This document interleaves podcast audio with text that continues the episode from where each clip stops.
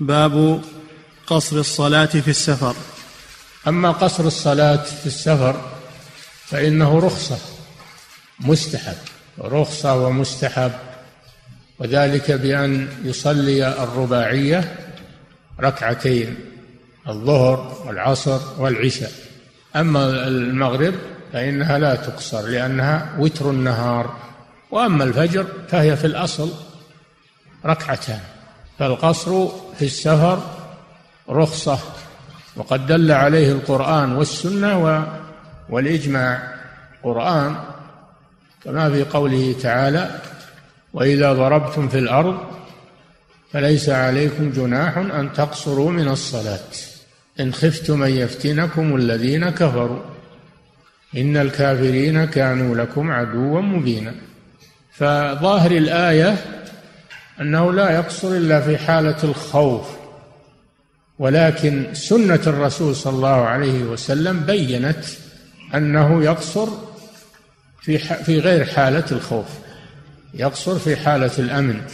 وقد سئل صلى الله عليه وسلم ما بالنا نقصر وقد أمنا؟ فقال صلى الله عليه وسلم صدقة تصدق الله بها عليكم فاقبلوا من الله صدقته. نعم. هذا من ناحية القرآن. وإذا ضربتم في الأرض ليس عليكم جناح أن تقصروا من الصلاة. السنة مستفيضة لأن النبي صلى الله عليه وسلم في كل أسفاره كان يقصر الصلاة من حين يخرج من المدينة إلى أن يرجع إليها. استقرت سنته على هذا. وأجمع المسلمون على مشروعية القصر في السفر. وهذا تخفيف من الله على عباده. نعم. باب قصر الصلاة في السفر. عن عبد الله بن عمر رضي الله عنهما قال صحبت رسول الله صلى الله عليه وسلم فكان لا يزيد في السفر على ركعتين وأبا بكر وعمر وعثمان كذلك. هذا حديث ابن عمر أنه صحب النبي صلى الله عليه وسلم وكان صلى الله عليه وسلم لا يزيد على ركعتين في السفر كان هذا يفيد الاستمرار منه صلى الله عليه وسلم. وأنه لم يتم في السفر لم يتم في السفر. هذا هو السنة. ولو أتم فالإتمام جائز لأنه هو الأصل. لكن القصر أفضل منه. وإن ائتم المسافر بمقيم بمن يتم الصلاة وجب عليه الإتمام. وجب عليه الإتمام اقتداء بالإمام. قال صلى الله عليه وسلم إنما جعل الإمام ليتم به. وسئل ابن عباس رضي الله تعالى عنهما عن هذه المسألة كيف إن المسافر يتم الصلاة خلف المقيم؟ قال تلك السنة. والصحابي إذا قال تلك السنة هذا في حكم المرفوع. إلى الرسول صلى الله عليه وسلم. وأتم الصحابة رضي الله عنهم خلف عثمان رضي الله عنه في منى. كان عثمان يرى إتمام الصلاة في منى وكان الصحابة يرون القصر. ولما أتم وهو الإمام والخليفة أتموا خلفه ولم يخالفوه. فدل على أن المأموم يتبع الإمام ولا يقصر خلفه يلزمه الإتمام. في هذه الحالة. نعم. وذكر أبي بكر وعمر وعثمان. نعم قال أعيد الحديث. عن عبد الله بن عمر رضي الله عنهما قال صحبت رسول الله صلى الله عليه وسلم فكان لا يزيد في السفر على ركعتين وأبا بكر وعمر وعثمان كذلك.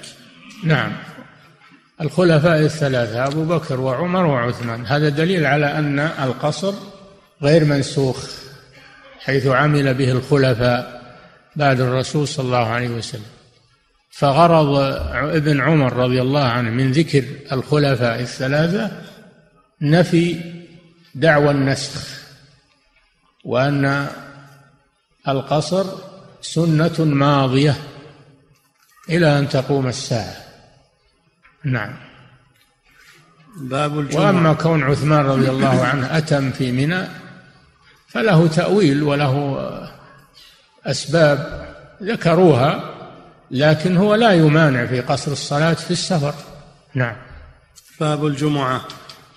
بقيت مسألة وهي أن المسافر إذا قصر فإنه لا يصلي الراتبة لا يصلي الراتبة.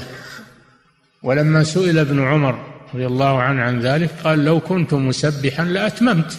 كنت مسبحا يعني مصليا للراتبة لأن الراتبة تسمى سبحة. لو كنت مسبحا أي مصليا للراتبة لأتممت فالمسافر إذا قصر الصلاة لا يأتي بالراتبة إلا الفجر. فإن النبي صلى الله عليه وسلم لم يكن يدع راتبة الفجر لا حضرا ولا سفرا. وأما راتبة الظهر والمغرب والعشاء فالمسافر الذي يقصر الصلاة لا يصليها وأما النفل في الليل والتهجد في الليل وصلاة الضحى غير الراتبة من النوافل لا بأس للمسافر أن يصليها. المسافر يتنفل يصلي الضحى يصلي في الليل يصلي راتبة الوضوء إذا توضأ وهكذا. إنما لا يصلي الراتبة لئلا يظن أنه لم يقصر وإنما وإنما يتم الصلاة. فلو أنه إذا سلم قام وأتى بالراتبة ظن الناس أنه أنه لم يقصر الصلاة. وأيضا الله يخفف عنك الفريضة ويجعلها ركعتين وأنت تأتي بزيادة ولا تقبل من الله الرخصة. هذا وجه كون الراتبة لا تصلى مع القصر. نعم. يقول فضيلة الشيخ وفقكم الله إذا خرجنا لنزهة برية ثم تبين بعد ذلك أنها تبلغ مسافة قصر فهل لنا أن نجمع ونقصر؟ سمعتم الجواب. إذا كنتم قاصدين المسافة وهي تزيد ثمانين كيلو أو أكثر تقصرون. أما إذا كنتم خرجتم ولا تدرون وين تذهبون بقريب ولا بعيد ولا فهنا لا يباح لكم القصر لأنكم لم تنووا مسافة معينة. نعم. يقول فضيلة الشيخ وفقكم الله إذا ذهب الإنسان للمطار وهو ناو للسفر فهل يجوز له أن يجمع ويقصر في المطار؟ يختلف هذا باختلاف مكان المطار. إذا كان المطار خارج البلد فإنه يقصر ويجمع فيه لأنه خرج من البلد ناوي السفر بدأ السفر. أما إذا كان المطار داخل البنيان داخل البلد فإنه لا يقصر ولا يجمع لأنه لا يزال في البلد. نعم. يقول فضيلة الشيخ وفقكم الله نخرج للبر أو للنزهة على مسافة مئة كيلو ونرجع في نفس اليوم وأحيانا نبيت فهل يجوز لنا الجمع والقصر؟ فدائما يقع بيننا خلاف في هذا.